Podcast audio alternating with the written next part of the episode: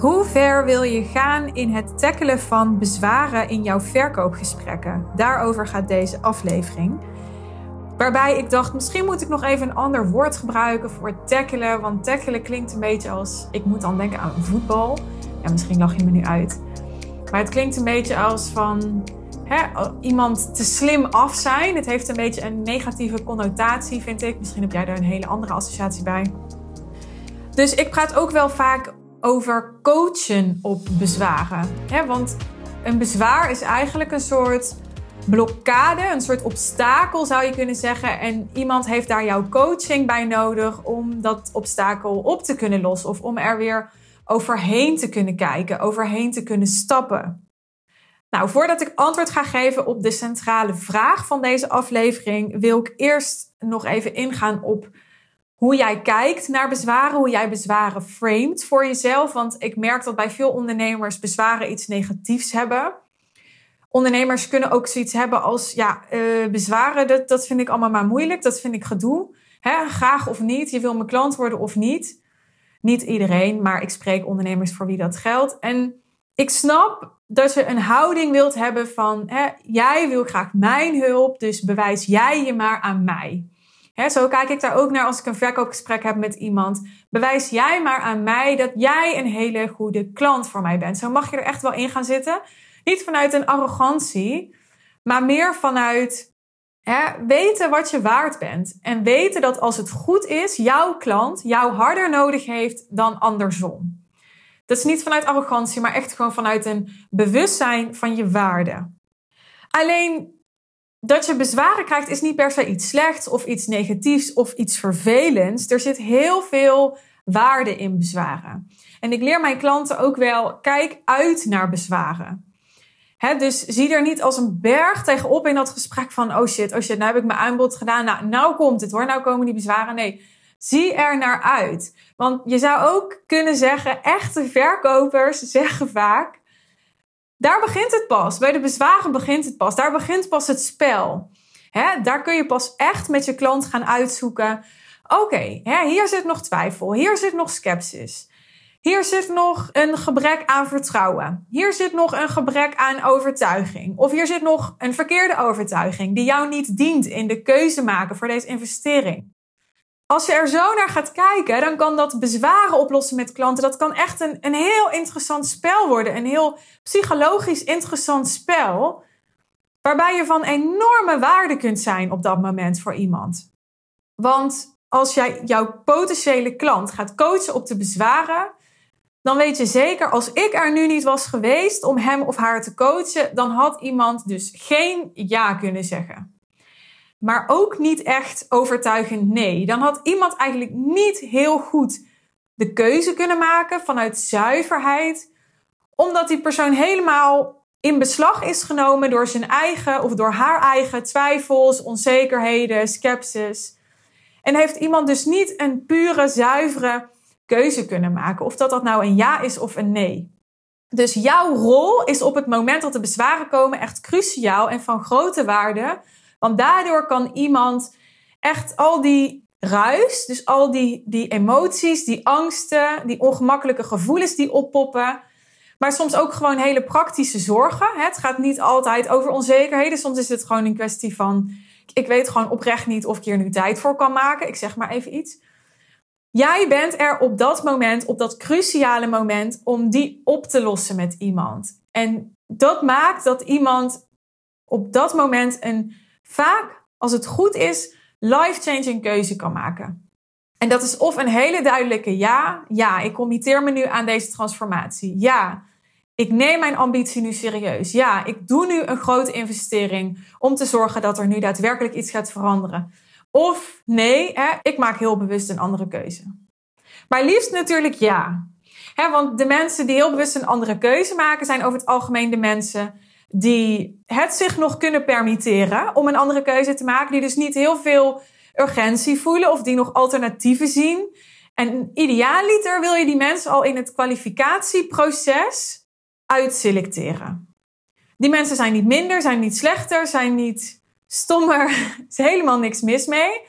Alleen als die mensen in die fase zitten en als dat oprecht voor hen geldt, dan is het nu gewoon niet heel passend om met hen in gesprek te gaan. dan moeten ze misschien nog even wat langer met hun probleem zitten om nog meer de pijn te voelen. Of dan moeten ze misschien eerst nog even met iemand anders samenwerken en er dan achter komen dat ze het toch niet redden. Dat het geen goed alternatief is geweest om te proberen die hoge investering te vermijden. want een vermijdingsstrategie gaat eigenlijk nooit succes opleveren. Dus die mensen zijn er simpelweg nog niet aan toe. En daar zou je eigenlijk niet een heel gesprek mee moeten hoeven voeren om dat te ontdekken met elkaar. Nou, terug naar die bezwaren. Hoe ver wil je nou gaan in het tackelen van die bezwaren? Daar zijn de meningen over verdeeld. Daar ontstaat soms een discussie over. Ik had daar een heel interessant gesprek over met een andere ondernemer in mijn DM's op Instagram. En toen dacht ik, laat ik hier een podcast over opnemen. Zij zei, ik heb met mezelf afgesproken, ik tackle één bezwaar. En als er dan nog een bezwaar komt, dan haak ik af. Dan ontkoop ik gewoon.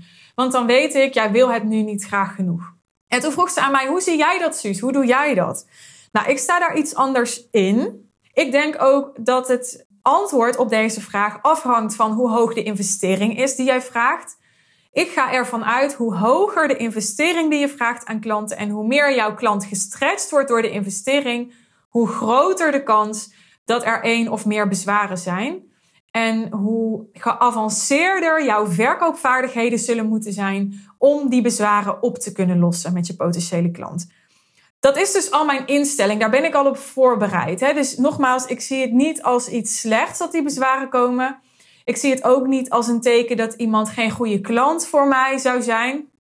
Want als ik dat dacht, dan was iemand dus in een eerdere fase over het algemeen al uitgeselecteerd in ons kwalificatieproces. Dus als ik zo'n heel gesprek met iemand heb gevoerd, dan ben ik over het algemeen er echt al van overtuigd dat ik iemand heel goed kan helpen. Dat iemand echt een hele goede klant voor mij is. En als er dan een bezwaar komt, dan zie ik dat gewoon als onderdeel van de transformatie die iemand bij mij gaat hebben. Als eerste begin om die life-changing keuze te kunnen maken. En ik zie het als mijn rol om iemand daar heel goed bij te begeleiden. Hoe ver ik daarin ga, dat is situatieafhankelijk.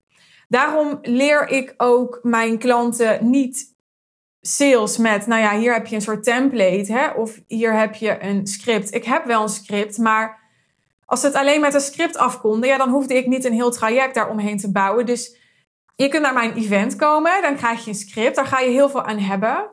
Maar als je duurzaam succes wil, is er persoonlijke begeleiding nodig, want dan moet je de vaardigheid leren. En de vaardigheid is niet de vragen van een script gebruiken. De vaardigheid is emotionele intelligentie is jezelf nog veel beter leren kennen, je emoties nog veel beter leren herkennen.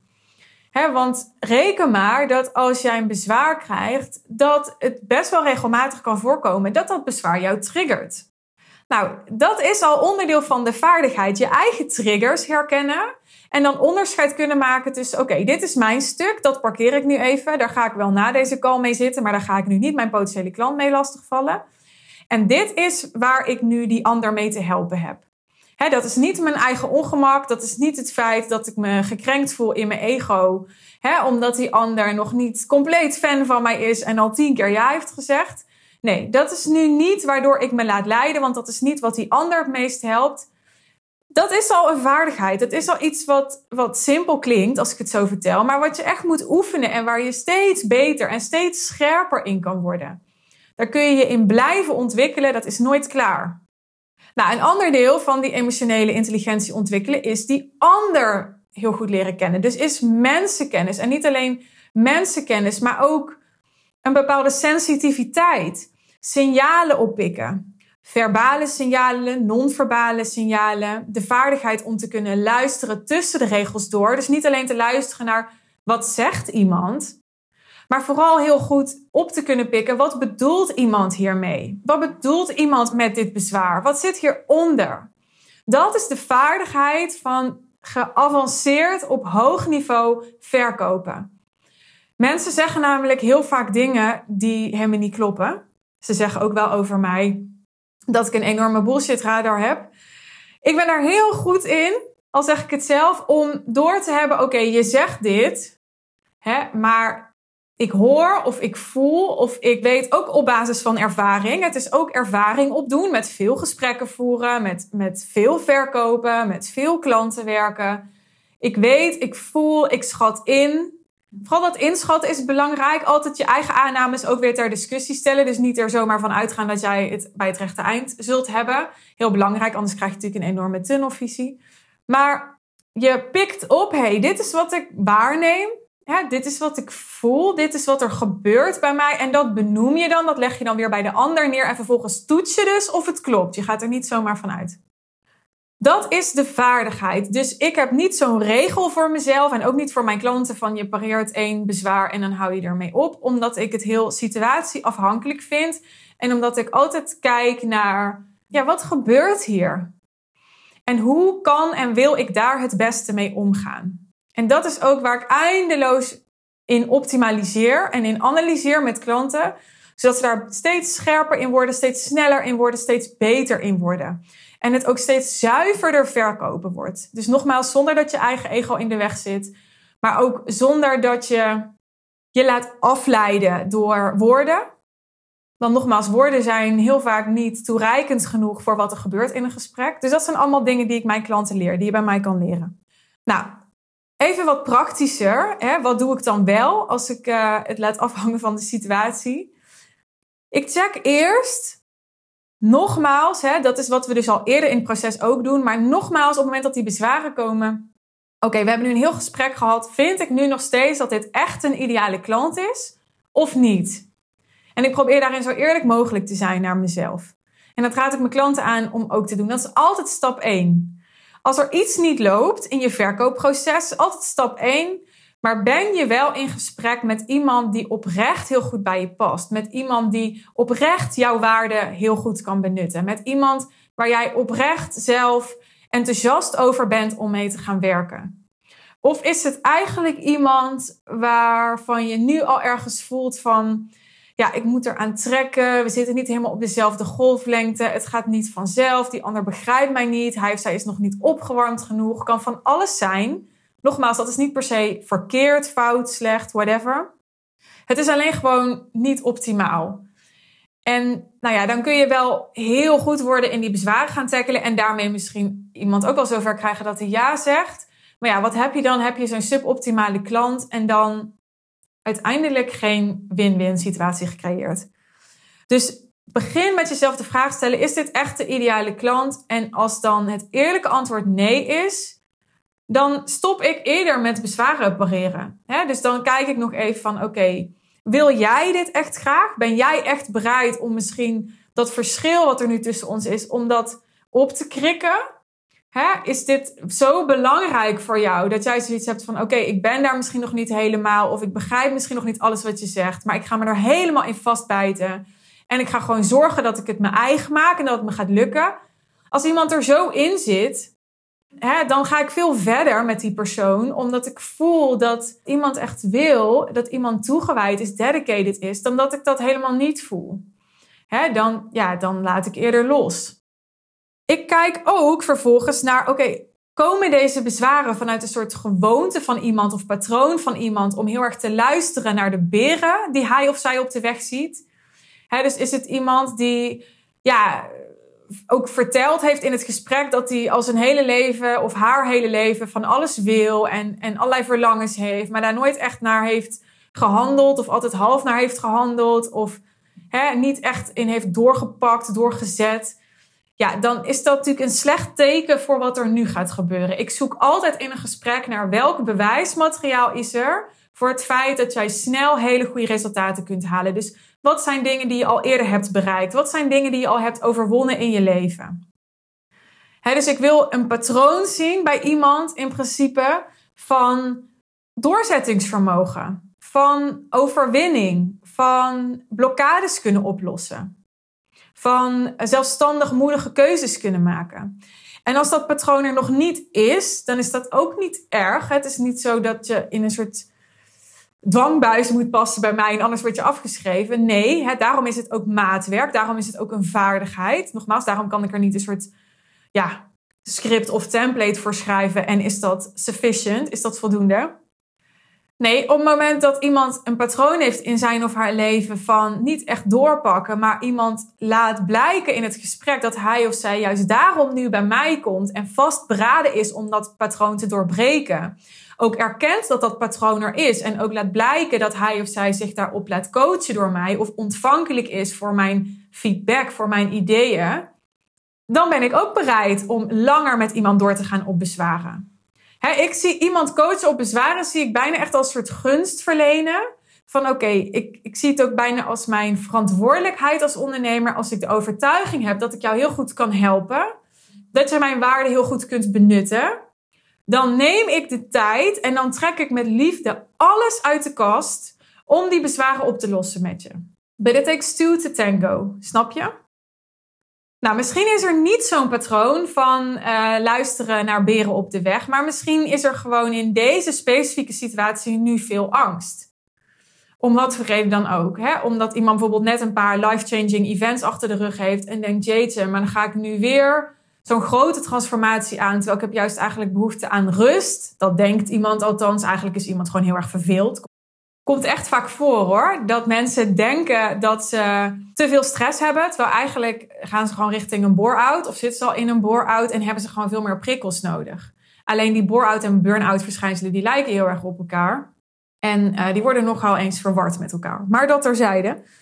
Het kan dus zijn dat iemand juist in deze specifieke situatie gewoon angst heeft. Maar dan moet iemand ook bereid zijn om onder jouw begeleiding die angst onder ogen te komen. En dan moet iemand ook accepteren dat jij hem of haar aanspreekt of die, op die angst, of die angst benoemt. Wat ik vaak doe als mensen met veel bezwaren komen, dan ga ik niet mee in al die bezwaren, want ik geloof ook, oké, één bezwaar is prima. Maar als er drie of vier bezwaren komen, dan zeg ik altijd: dit zijn niet de echte bezwaren. Dit zijn soort afleidingsmanoeuvres om het echte bezwaar dat hieronder zit te bedekken. En dat echte bezwaar is vaak gewoon, ik vind het heel spannend, punt. En dan gaat het over, ja, ik weet niet of online voor mij werkt, of ik weet niet of een jaar voor mij werkt, of ik weet niet dit, of ik weet niet dat. Maar eigenlijk vindt iemand het gewoon heel spannend. En nou ja, dat benoem ik dan. En als iemand dat durft te erkennen, dan kunnen we daarop doorgaan. En als iemand dat helemaal niet erkent, dan kunnen er twee dingen aan de hand zijn. Of ik heb het mis, wat natuurlijk altijd kan. Nogmaals, ik heb nooit de waarheid in pacht. Of die ander is er gewoon niet aan toe om dat onder ogen te zien. Maar dan gaat de samenwerking ook niet werken. dan is iemand op dit moment onvoldoende in staat om zijn of haar angsten te overwinnen. En dat is wel nodig om die grote transformatie te verwezenlijken. Dus daar kijk ik naar als het gaat over hoe ver ga ik in het tackelen van bezwaren. Ik kijk natuurlijk ook naar hoe pakt iemand mijn coaching op die bezwaren op. Dus als ik merk dat iemand heel erg in de verdediging schiet, dan ga ik nog even na van, hey, hoe heb ik dit gebracht? Heb ik mijn coaching gebracht op een manier die, ja, die offensive kan zijn voor iemand? Of heb ik mezelf zo uitgedrukt dat ik die verdediging heb uitgelokt? Hè? Heb ik het gewoon even niet geweldloos genoeg gecommuniceerd? Ik zeg maar wat, dat zou kunnen. Maar ja, als ik merk dat iemand in dit proces al niet coachable is, in dit gesprek al niet coachable is, dan houdt het ook een beetje op. Dan ga ik ook afhaken. Want ja, hè, dat belooft dan niet veel goeds voor wat nog komen gaat. En daarnaast kijk ik natuurlijk ook naar wat voel ik. Hè, dus ben ik zelf nog engaged bij deze persoon?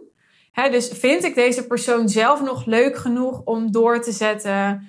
Om bij die ander te blijven. Hè? Om, om even iemands hand vast te houden op dit moment. Er te zijn voor die persoon. Goed te luisteren.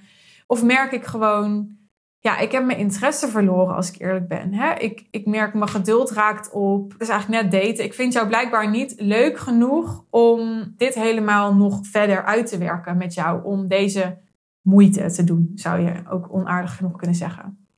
Dus dat is ook belangrijk om, om tijdens het gesprek uh, connected te blijven met je lichaam.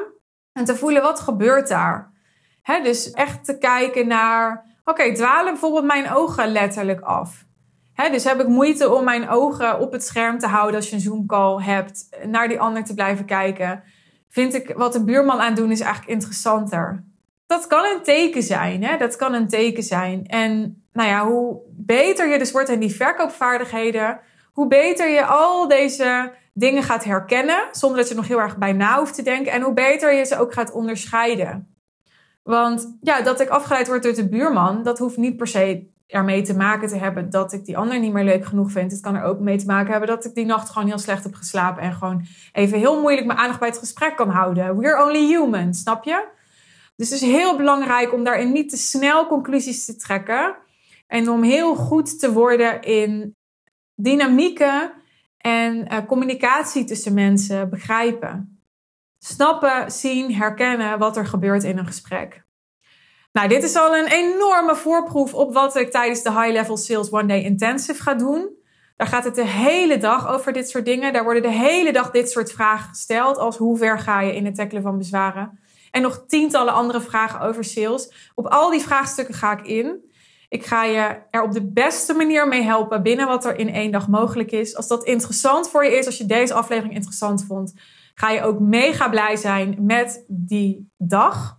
De High Level Sales One Day Intensive is op 14 oktober. Dat is nog een eindweg, maar je kunt nu al je early bird ticket scoren. En dat kan via de link in de omschrijving bij deze aflevering. Binnenkort gaat de prijs omhoog. Nu kun je nog deelnemen voor een speciaal aanbod, omdat jij die early bird bent. Lijkt me super leuk om je daar te ontmoeten en om je die dag te helpen. Heb je er nog vragen over? Nadat je de sales page hebt bekeken en je toch nog ergens over twijfelt, dan ben je natuurlijk heel welkom om mij even te DM'en en dan help ik je heel graag met een juiste keuze maken. Met je bezwaren tackelen. Dankjewel voor het luisteren. Heel graag tot de volgende aflevering. Bye bye.